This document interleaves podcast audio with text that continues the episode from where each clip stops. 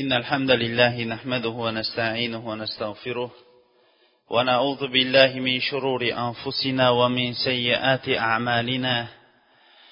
من يهده الله فلا مضل له ومن يضلل فلا هادي له وأشهد أن لا إله إلا الله وحده لا شريك له وأشهد أن محمدا عبده ورسوله. ثم أما بعد السلام عليكم ورحمة الله وبركاته. Odatdagidek suhbatimizni boshlashdan avval biz alloh taoloni go'zal ismlari va oliy sifatlari bilan ushbu majlisimizni turli xato va kamchiliklardan xoli bo'lgan majlislardan qilishligini va tarqalishligimizda alloh taoloning ilm halaqalarini qidirib yuruvchi ilm farishtalari bizlarga qarata ey ollohning bandalari endi o'rninglardan turaveringlar vaholanki sizlarning gunohinglar endi kechirilindi degan majlislardan qilishligini so'rab suhbatimizni boshlaymiz. Katta tarixdan bo'layotgan darsliklarimiz rasululloh sollallohu alayhi vasallamning tug'ilishligi va payg'ambarlik soatiga qadar bo'lgan hayotiga kelib to'xtagan edik. Rasululloh sollallohu alayhi vasallam hoshim oilasi turadigan vodiyda tug'ilindi. Tug'ilinganligi makkada dushanba kuni rabiul avvalning to'qqizida bo'ldi. Ba'zi bir tarixchilar o'n ikkisida degan tarixchilarning o'zlari ham rasululloh sollallohu alayhi vasallamning qaysi kunida rabiul avval oyida tug'ilganligida hammasi ham ittifoq qilishgan. Lekin ular qaysi kunida tug'ilganligi haqida ixtilof qilishgan. Ko'proq ulamolar to'qqizida deyishgan ekan va ba'zi ulamolar o'n ikkisida degan ekan. Ba'zilari esa undan boshqa so'zni ham aytishgan ekan. Bu nimaga dalolat qiladi? Bu dalolat qiladiki sahobalar rasululloh sollallohu alayhi vasallamni tug'ilgan kuniga ko'p e'tibor berishmagan. Tug'ilgan kunni nishonlashlik va bu kunda bir ma'lum marosimlar o'tkazishlik sahobalarning hayotlarida unaqa narsa uchramagan. Shuning uchun ham ular bu kunni aniq bilishmagan. Va bu voqea bu rasululloh sollallohu alayhi vasallamning tug'ilishligining buyuk bir voqea fil voqeasining avvalida sodir bo'ldi. Va kisro podshosi arnishvan o'zining mulkiga o'tirganligiga qirq yil bo'lgan yilida va milodiy aprel oyining yigirma ikki yoyinki yigirmalariga to'g'ri keladi besh yuz yetmish birinchi yilning milodiy besh yuz yetmish birinchi yil yigirma ikki yoyinki yigirmanchi aprel oylariga to'g'ri keladi deydi buyuk muhaqqiq olimdan olimlardan muhammad sulaymon al mansur favriy shuningdek muhaqqiq falakiy olim mahmud basha mana shunga to'g'irlashgan ekan ular yillarni hisoboti bo'yicha. Rasululloh sollallohu alayhi vasallam tug'ilganda holat qanaqa bo'ldi? Abu saad rivoyat qiladi. Rasululloh sollallohu alayhi vasallamning onalari aytadiki rasululloh sollallohu alayhi vasallam tug'ilgan vaqtlarida farjimdan bir nur chiqdi deydi. Bu nur shom diyorlarining qasrlarini yoritib yubordi. Imom ahmad irbod ibn sariyadan ham mana shunga yaqin bo'lgan rivoyatni keltirgan. Rasululloh sollallohu alayhi vasallam tug'ilishligi butun yer kurasi uchun nur edi chunki u zot olamga rahmat etib yuborilgan edi. Rasululloh sollallohu alayhi vasallamning tug'ilishligi bilan olamda ko'p o'zgarishlar voqea bo'ldi. Tug'ilishligining o'zi bilan bu voqealar sodir bo'ldi. Kisroning o'n to'rtta ustuni yiqildi va majusiylar ibodat qilib turadigan katta yong'inda to'xtamay yondirib turadigan katta olovi shu vaqtda o'chib qoldi. Shuningdek buhayra atrofidagi ba'zi bir kanisalar ya'ni rohiblar nasorolar ibodat qiladigan o'zlarining ibodatxonalarining ba'zilari yiqildi. Imom bayhaqiy mana shunga yaqin bo'lgan rivoyatda keltirgan. Bu olamda katta bir voqea yuz berishligi. Ollohdan o'zgaga ibodat qilinayotgan narsalarning hammasini barbod qilishlikka sabab bo'ladigan buyuk zot tug'ilgan ekanligiga ishora edi. Rasululloh sollallohu alayhi vasallam tug'ilishligi bilan bir nur chiqib shom diyorlaridagi qasrlarning uchlarigacha yoritib yuborishlikning o'zi katta bir mo'jiza edi. Rasululloh sollallohu alayhi vasallam tug'ildi. Tug'ilishligi bilan onalari darrov bobolari abdul muttalibga odam jo'natdi. Bobolari olib kelinglar nevaramni dedi. Eng suyukli bo'lgan farzandining farzandi farzandi vafot etib ketib ko'rolmagan farzandini o'zi nabira holatda ko'rib turgan edi. Xursand bo'lgan holatda o'zi keldi va kabaga nevarasini ko'tarib kirdi. Allohga ko'p duo qildi shukur qildi va muhammad degan ismni tanladi. O'sha vaqtlarda arablarda muhammad degan ismni qo'yishlik odat bo'lmagan edi. Alloh subhanava taolo rasululloh sollallohu alayhi vasallamning ismlari muhammad bo'lishligini tanladi. Muhammad deganning o'zi nima? Muhammad degani maqtalingan degani. Alloh subhanava taolo rasululloh sollallohu alayhi vasallamni yetti osmon ustida maqtagan edi. Muhammadu rasululloh. والذين معه أشداء على الكفار رحماء بينهم تراهم سجدا ركعا سيماهم في وجوههم من أثر السجود muhammad ollohning elchisi deydi ollohning o'zi bunga guvohlik beryapti u kishi bilan birga bo'lgan sahobalari o'zaro mo'minlarga rahmdil kofirlarga esa qattiq qo'pol dag'al ularni ruku va sajda qilgan holatda ko'rasiz. Belgilari esa peshonalaridagi sajda o'rinlarida deb alloh taolo maqtadi. Alloh subhanava taolo rasululloh sollallohu alayhi vasallamni juda ko'p o'rinlarda maqtadi. Muhammad ismining o'zi maqtalingan olloh tomonidan maqtalingan xalqlar tomonidan maqtalingan hatto o'ziga ashaddiy dushman bo'lib turgan kufr ahli tomonidan ham maqtalingan va qiyomatgacha maqtanib kelinadigan zot bo'ldi.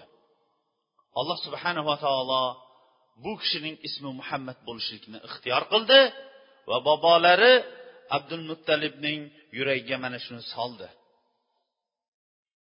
Arablar yettinchi kuni farzandiga nom qo'yardi.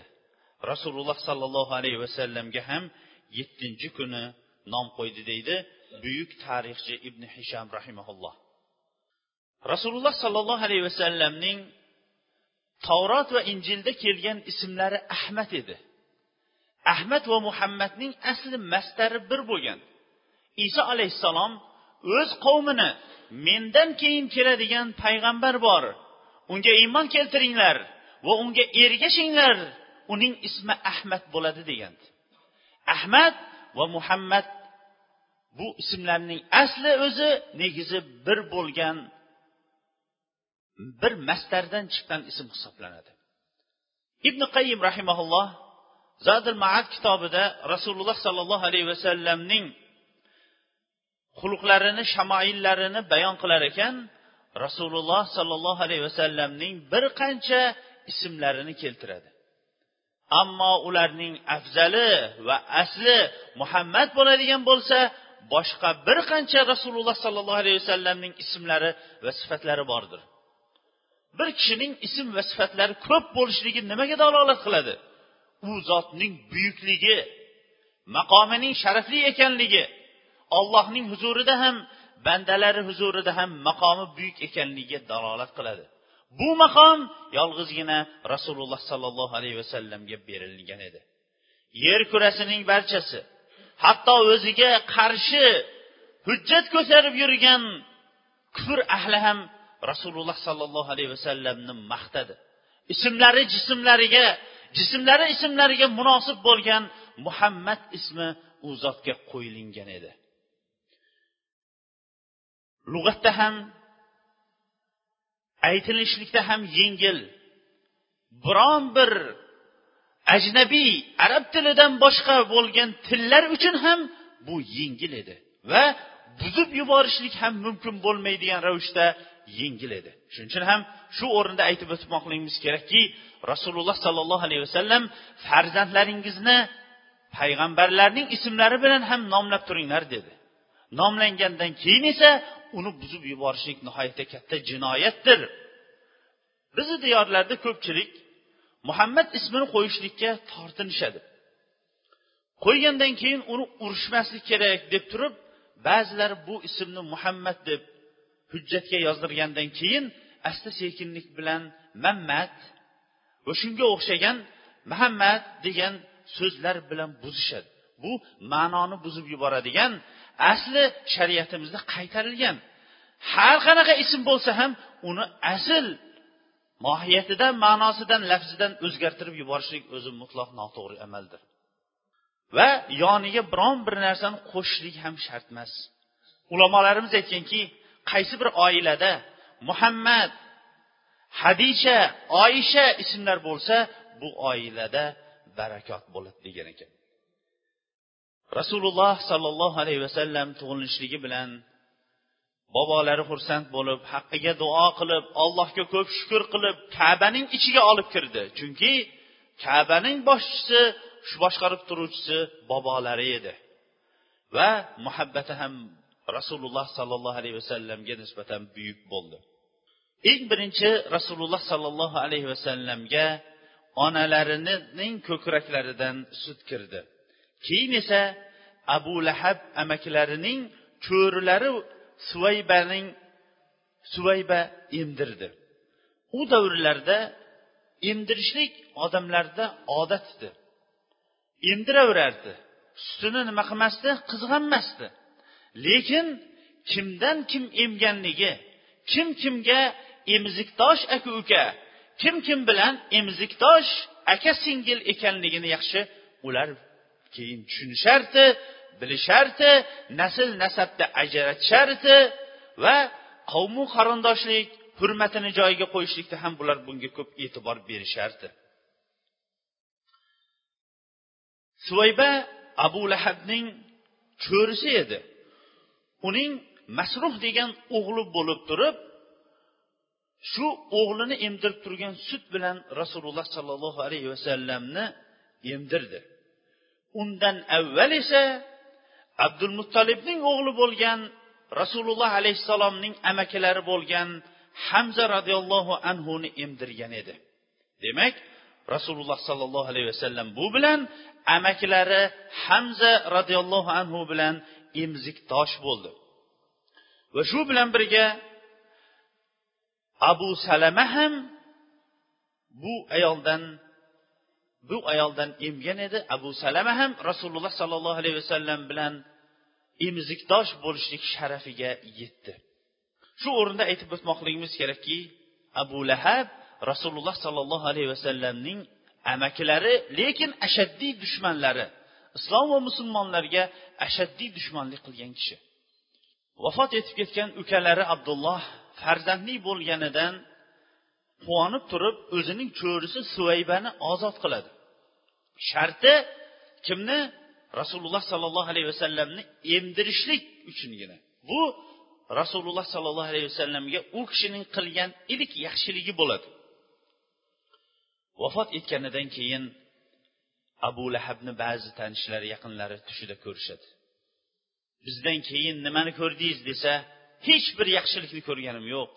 Faqatgina o'sha suvaybani muhammadni emdirishlik uchun ozod qilganim uchungina bir ozgina jahannamdan menga bitta yengillik berildi degan ekan.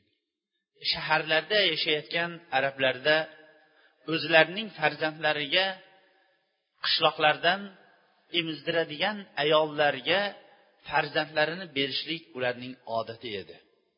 Chunki shaharda ko'proq farzand injiq ba'zi bir yuqumli kasallarga uchrashligi mumkin jasadlari baquvvat va muskullari baland mustahkam bo'lishligi buzilib ketmagan arablarning toza tili bilan tili chiqishligi uchun ham ular o'zlarining farzandlarini atrofdagi qishloqlarda emdiradigan ayollarga berishardi.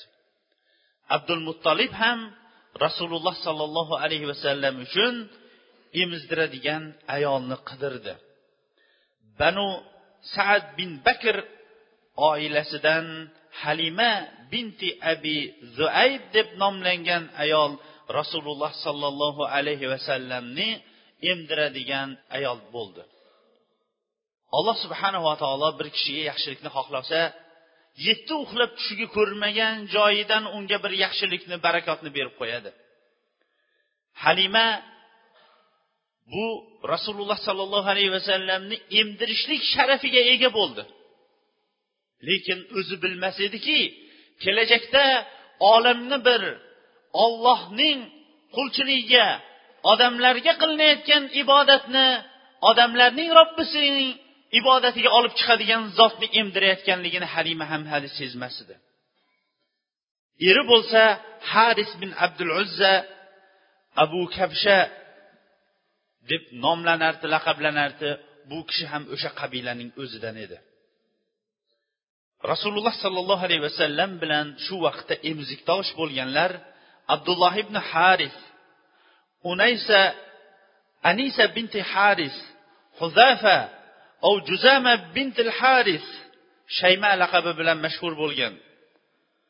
Rasululloh sollallohu alayhi vasallamni ba'zan abu sufyan bin haris bin abdul muttalib amakilari o'zlari boqardi. Demak bu bilan hamza roziyallohu anhu banu sad qabilasida emdirishligi bilan rasululloh sollallohu alayhi vasallamga ikki tomonlama emiziktosh aka uka bo'lishdi. Amaki bo'lishiga qaramasdan chunki bu kishi ham yoshligida banu sadiya qabilasida emizilgan edi. Keling halima roziyallohu anhaning o'zi ko'rgan rasululloh alayhissalomning mo'jizalarini o'zi gapirib berishlikka tashlaylik. Hatto o'zi gapirgan inson rivoyat qilingandan ko'ra u albatta labdan olingan rivoyat quloq bilan olingan rivoyatdan ko'ra muhaddislar oldida balandroq turadi. Halima aytadi ibn ishoq buyuk tarixchilardan bo'lgan ibn ishoq bu rivoyatni u kishidan keltiradi. Erim bilan va kichkina o'zim emizib turgan farzandim bilan deydi halima qishlog'imizdan chiqdik. Biz bilan birga banu sad bin bakr qabilasidan bir qancha ayollar bor edi. Hammamiz ham emizdiradigan farzand qidirib chiqqandik. Shu yili nihoyatda qurg'oqchilik og'ir yil bo'ldi. Bizda hech narsa ham atugulik hech narsa qolmadi.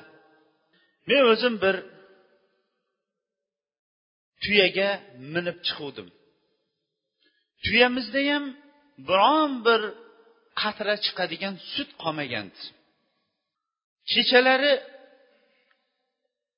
farzandim qorni to'ymasdan yig'lab bizni bezovta qilib uxlamay chiqardi. Ochlikdan bo'lgan uyqu. Ko'kragimda bo'lsa uni to'ydiradigan biron bir qultum sut chiqsa qaniydi tuyamizni yuvib qo'yavering. Tuyamiz ham qurg'oqchilik.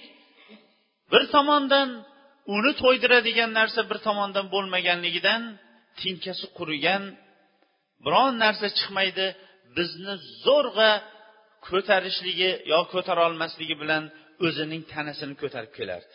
Biz makkadan ollohning bir rahmati va barakotli bir farzand uchrab qoladigan bo'lsa shuning rizqi sababli oilamizga bir barakot kirib qolishligini umid qilardik.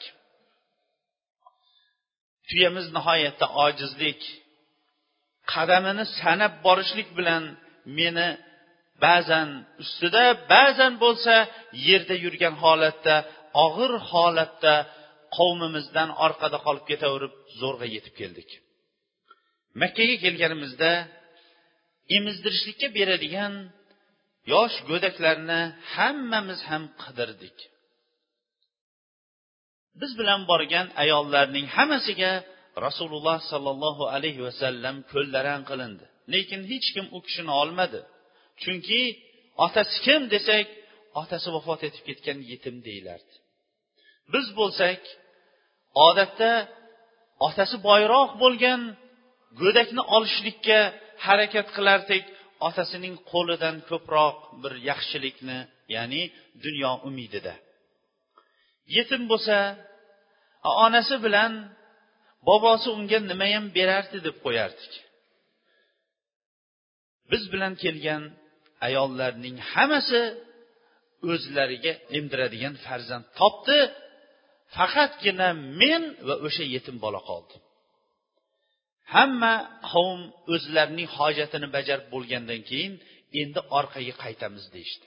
Shu o'rinda ham aytib o'tmoqlik kerakki hozirgi davrda ham biron bir qishloq yo uzoq joydan bir qavm keladigan bo'lsa bir kelib bir ketishadi.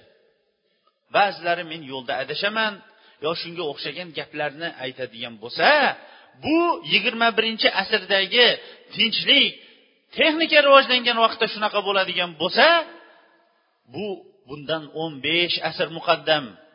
Atrof yirtqich hayvonlar qaroqchilar bilan to'la bo'lib turgan vaqtda hammasi bir ovozning o'zida endi ishimiz bitdi ketamiz deyishdi. Minggina shuncha bir qiyinchilik bilan kelib biron bir farzand ololmagandim. Turmush o'rtog'imga aytdimki allohga qasamki men mana bu dugona ayollarim o'rtasida biron bir emizikdosh bolani olmasdan qaytishlik menga uncha to'g'ri kelmayapti. Borib shu yetimni bo'lsa ham olaman endi boshqa nima ham qilardim dedi. Kuyovim menga xohlaganingni qil ajabmaski alloh taolo shu yetimda ham bir barakot bersa dedi. Men bordim va u bolani oldim boshqasini topmaganligim uchungina oldim boshqa narsa uchun emas dedi. Uni borib olib qavmimiz tushgan joyga makkaning o'zida qaytib kelgandek kelishim bilan ko'kragim to'lib ketganligidan ko'kragim og'rib ketdi. Ikkovi ko'kragimga sut shunchalik bir oqib keldiki nima oqib kelganligidan o'zim qo'rqib ketdim. Bu bola ichib to'ydi. Farzandim ham ichib to'ydi ikkovlari ham uxlashdi. Allohga qasamki shu kungacha bunaqangi to'yib farzandim uxlamagandi er xotin ikkovimiz ham xotirjam bunaqa uxlamagandik. Erim turdida tuyamizni sog'ib ko'rdi. Yo olloh tuyamizga shunchalik bir sut kelgandiki sutni ham barakotli ham to'yimli ham shirin bo'lgan sut bo'ldi. Bu bizlar uchun hayotimizdagi eng ilik baxtli bo'lgan kecha bo'ldi. Turmush o'rtog'im tong ottirganda ollohga qasamki ey halima dedi. Mana bu bola barakotli ekan men buni payqay boshladim dedi. Hali halima va eri makkadan hali ketganlari yo'q. Men ham aytdimki allohga qasamki men ham mana shuni umid qilib turibman dedim. Chiqdik yo'lga. Haligi o'zining tinkasi qurigan tuyamiz shunaqa bir yurish qilib berdiki biz uni tanimay qoldik. Turmush o'rtog'im menga ey zuaybning qizi holingga voy bo'lsin. Sen zo'rg'a minib kelgan seni olib kela olarmikan yoinki yo'lda qolib ketasanmi? deb qo'rqib yuk bo'larmikan o'zimizga? deb kelgan tuyang mana shumi ya? Boshqaga almashtirib qo'ydingmi dedi. Men bale bala vallohi innaha lahiya hiya. Allohga qasamki tuyamiz mana shu tuya. Lekin uning bir holati bo'ldi. Uning bir kuch quvvati bo'ldi dedim. Diyorimiz banu sadiya qabilasiga keldik. Banu sadiya qabilasi qurg'oqchilik bilan atrofning barchasi qurib yotgan nom nishonasi yo'q bo'lgan yer edi. Qo'ylarimiz bor edi. Atrofga chiqib biron bir narsa topmay o'zimizga bir ilinj bilan yalinib marab turadigan qo'ylarimiz bor edi. Bu o'zining jussasini ko'tarolmagan to'rt oyog'ida turgan bu qo'ylardan sut chiqishligi qayoqda bo'lsin? Atrofdagi insonlar ham biron bir qatra yerga tushib qolishligini orzu qilib turishardi. Lekin biz kelishligimiz bilan qo'ylarimiz ham shunaqangi to'yib o'zlarining yelinlarini shunaqangi to'ldirib keladigan bo'ldiki xonadonimizga barakat kirib ketdi. Yeganimizda topganimizning barchasi barakotli bo'lib ketdi. Ha hayot o'zi mana shunaqa. Alloh subhanava taolo biron bir kishiga barakot beradigan bo'lsa yer kurasining barchasi hidoyatlanishligiga yoki yer kurasining barchasi boyib ketishligiga sabab bo'ladi. Bu tarixda rasululloh sollallohu alayhi vasallamning mana bunaqa go'daklik davrida ko'rilingan bo'lsa rasululloh alayhissalom olib kelgan yo'lni ushlaganlar qatorida nihoyatda bunaqa odamlar ko'p bo'ldi. Umar ibn hattob roziyallohu anhu xalifalik davrida butun yer kurasini adolat bilan to'ldirib yubordi. O'zilari bo'lsa holimga voy bo'lsin. Ertaga qiyomat kunida iroqdagi mahallalarning birontasi to'g'rilanmaganligi uchun eshak yiqilib tushadigan bo'lsa qiyomatda alloh taolo nima uchun o'sha mahallani to'g'irlab qo'ymading deydigan bo'lsa holim nima bo'ladi deb yig'lardi. Umar ibn hattob yer kurasining barchasini adolat bilan to'ldirib yubordi. Ortlaridan umar ibn abdul aziz alloh u kishini o'z rahmatiga olsin. Ikki yilu uch oy xalifalik qildi. Alloh subhanava taolo u kishining taqvosi adolati bilan yer kurasiga shunchalik bir barakot ato etdiki musulmon diyorlaridan islomga ilk kirgan afrika materigiga odamlar o'zlarining zakotlarini ko'tarib borishdi. Afrikada ham zakot oladigan odam topilinmay qoldi. Mumkin insonlarning barchasi afrika diyorlarini shu tug'ilinganidan boshlab ochlik bilan qiyinchilikda o'sayotganligini eshitgan ko'rgan bo'lishligi mumkin. Lekin umar ibn abdul aziz rahimaulloh davrida alloh taolo u kishining adolatiga shunchalik bir barakot berdiki yer kurasi ko'rmagan ravishda agar kecha zakotingizni olib kelganingizda qabul qilgan bo'lardik ammo bugun biz unga hojatimiz yo'q deb afrikadan ham qaytarishdi.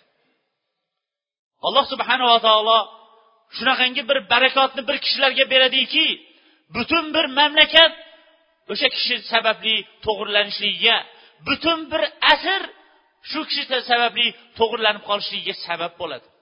Imom buxoriy kim o'ylabdi deysiz?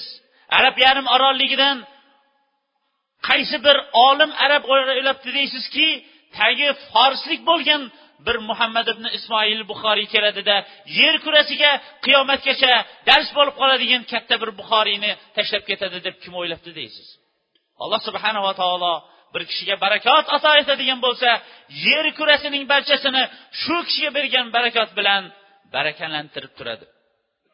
Banu sadiya qabilasi ham ochlikda qiyinchilikda edi. Alloh subhanava taolo bu oilaga qiyinchilikda turgan oilaga shunchalik qo'ylari ham o'zlari to'ygan qo'ylarining yelinlari tirsillagan holatda qaytadigan bo'ldiki oilasiga barakot kirib ketdi. Hatto qo'shnilarimiz aytadigan bo'ldi bolalarga ho mana bu halimaning qo'ylari yurgan joyga bizni qo'ylarni ham haydanglar deydigan bo'ldi. Lekin ularning qo'ylari bizni qo'ylarimizchalik qorinlari to'q yelinlari to'la holatda kelmaydigan bo'ldi.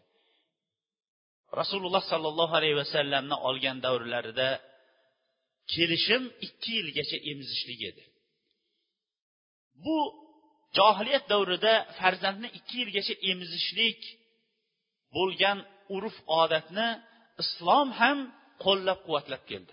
Baqara surasida أعوذ بالله من الشيطان الرجيم والوالدات يرضعن أولادهن حولين كاملين onalar farzandlarini ikki yil to'liq emdiradi dedi rasululloh sollallohu alayhi vasallam farzandlaringizni to'liq emdiringlar ertaga egarga o'tiradigan ravishdagi mustahkam farzand bo'lsin dedi shu o'rinda ham bir ajib bir nuqtaga to'xtab o'tib ketishligimiz kerakki islom go'daklarni ko'krak suti bilan oziqlanishlikka targ'ib qildi.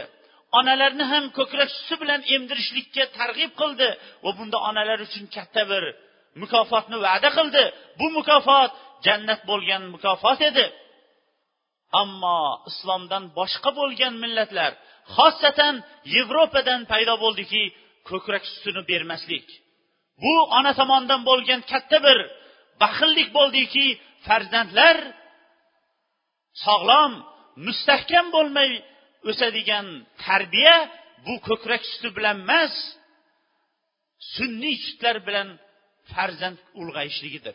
Uning ustiga ko'krak suti bilan kattaygan farzand bilan sunniy sut bilan kattaygan farzand o'rtasida ona bilan farzand o'rtasidagi muhabbat hurmat ehtirom qanchalik bo'lishligini agarchi tarix bilmasa ham yigirma birinchi asrning tarixi yevropada o'zlarining ota onalarini farzandlari olib borib keksalar uyiga tashlab ketayotganligidan yaxshi bilmoqligi kerak. Nima uchun biz bunga to'xtamoqchimiz? Ko'p bir nuqtalarda ming afsuslar bo'lsinki bu ummat muhammad alayhissalomning ummati asta sekinlik bilan boshqa ummatlarga ergashib ketyapti. Alloh alloh ollohdan qo'rqaylikki farzandlarni emdirishlikdan onalarimiz baxillik qilib qo'yishlikdan alloh o'zi asrasin. Shu bilan birga to'xtab o'tmoqligimiz kerakki bu buyuk bir mo'jiza. Tasavvur qiling hammamiz ham qishloqda yashaymiz. Agar alloh subhanava taolo bu mo'jizasi bilan onaning ko'kragiga hamma hamma yigirma birinchi asrning butun rivojlangan taraqqiyoti jamlaganda ham jamla ololmaydigan vitaminlarni jamlab qo'yilgan sut onaning ko'kragida issiq holatda turadi. Hammamiz ham qishloq sharoitida agar shu sut bo'lmaganida ona bechora soat ikkida ham turib gaz bo'lsa gaz gaz bo'lmasa o'choq yoqib bu sutni isitib olib kelib uni to'ydirgungacha bu otaning boshini ham bola yig'lab to'ydirib bo'lgan bo'lardi. Lekin alloh subhanava taolo buyuk bir mo'jizasi fazlu karami bilan onaning ko'kragiga shunday sut berdiki butun tabobat ilmi aytadiki onaning sutiga farzandga boshqa biron bir narsa yetmaydi deydi. Bu aynib ham qolmaydi. Ba'zan yo'q bo'lib ham qolmaydi. Doim o'zi bilan birga kechasi ham kunduzi ham yuragining yonida farzandi esa bag'rida mana shunaqa holatda katta bo'lgan farzandlar onaga bo'lgan muhabbati ota onaga oq bo'lishligi tarixda islomda ko'rilmagan. Ammo sunniylik farzandlarni ham sunniylikka olib keldi. Hammamiz ham bilamiz uch so'm pulga ikki metr chit chiqmaydi. Ikki yil emdirishlik o'sha davrlarda ham ikki yil emdirishlik edi. Islom buni qo'llab quvvatlab keldi. Ikki yildan keyin rasululloh sollallohu alayhi vasallamni halima yana makkaga olib borib rasululloh alayhissalomning onalari bilan gaplashib makkadagi ofat balolar bu o'g'limizga tegib qolib kasallanib qolishligidan qo'rqaman. Keling yana ikki uch yil mening yonimda tursin deb aytaverib aytaverib amallab yana ko'ndirdi. Va ya subhanalloh barakotli farzand uchun har bir inson mana shunaqa mushtoq ishtiyoqli bo'ladi. Ba'zan o'zidan bo'lgan otalar o'zlarining farzandlarini yig'layvergandan keyin ey olib chiq narigi xonaga deyishligi mumkin. Yo o'zi narigi xonaga chiqib ketishligi mumkin.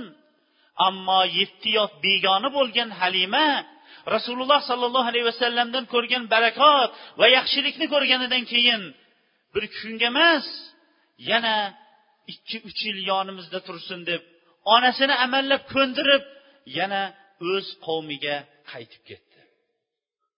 Ba'zi bir tarixchilar rasululloh sollallohu alayhi vasallam to'rt yoshigacha halimaning oldida turdi desa ba'zilari besh yoshgacha degan ekan. To'rt yoshmi yoyinki ba'zi bir tarixchilar aytgandaqa besh yoshigami kirgan vaqtlarida rasululloh sollallohu alayhi vasallamda buyuk bir voqea bo'ldi. Bu voqea rasululloh sollallohu alayhi vasallamning qalblari ko'kraklari yorilib qalblari chiqarilib hammamizni ham vasvasaga solib turgan shaytonning nasibasini olib tashlashlik voqeasi bo'ldi.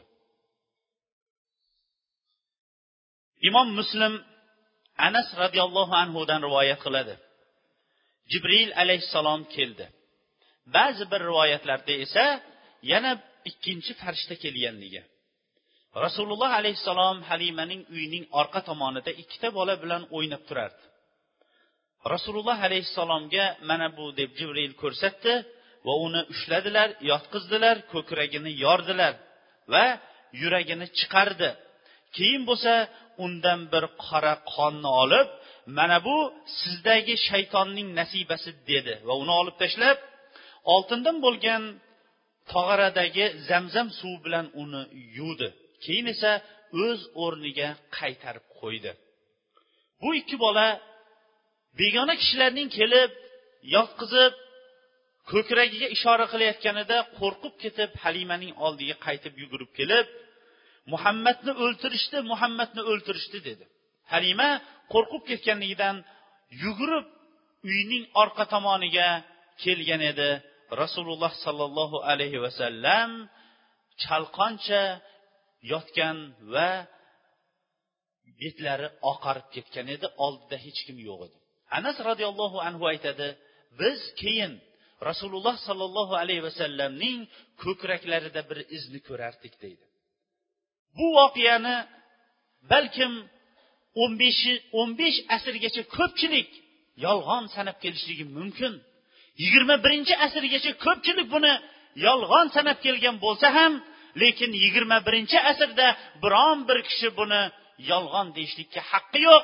Agarchi kufr ahli bo'lsa ham taraqqiyotga yetishgan yigirma birinchi asrning meditsinasi bugungi kunda shu darajaga keldiki bir kishining yuragini ikkinchi kishining yuragi bilan almashtirishlik mumkin ekanligini bugungi kundagi rivojlangan meditsina uni isbotlayapti. Yoyinki yurakdagi yurak quloqchalarini qaytadan olib qaytadan boshqa quloqchalar bilan. Yoyinki go'shtdan bo'lmagan plastikdan iborat bo'lgan quloqchalar bilan almashtirishlik mumkin ekanligini yigirma birinchi asr uni o'zining amaliy ravishida isbotlab berdi. Shu vaqtgacha bu yoshligida qalbini yorib yuragini chiqaradigan bo'lsa kim tirik qolardi deganlar yigirma birinchi asrga kelib yolg'onchi ekanligi. Islomning asli esa haqiqat olloh tomonidan yuborilgan haqiqat ekanligi ko'rsatilib berildi. Ha agarki islomdagi ko'p narsalarga aqlimiz yetmasa ham vaqtlar yetishligi bilan aqlimiz yetadi. Va yana aytamizki islomdagi ko'p narsalarga aqlimiz yetishligi shart emas. Chunki bizni aqlimiz yetilishlikka berilgan narsa o'zi chegaralik bo'lgan narsadir. Onalariga halima qo'rqqanidan shu voqeadan keyin rasululloh alayhissalomni qaytardilar. Inshaalloh vaqtimiz yakunlanib qolganligi uchun ham kelgusi haftadan onalari bilan birga bo'lgan ba'zi bir voqealarga to'xtab o'tamiz.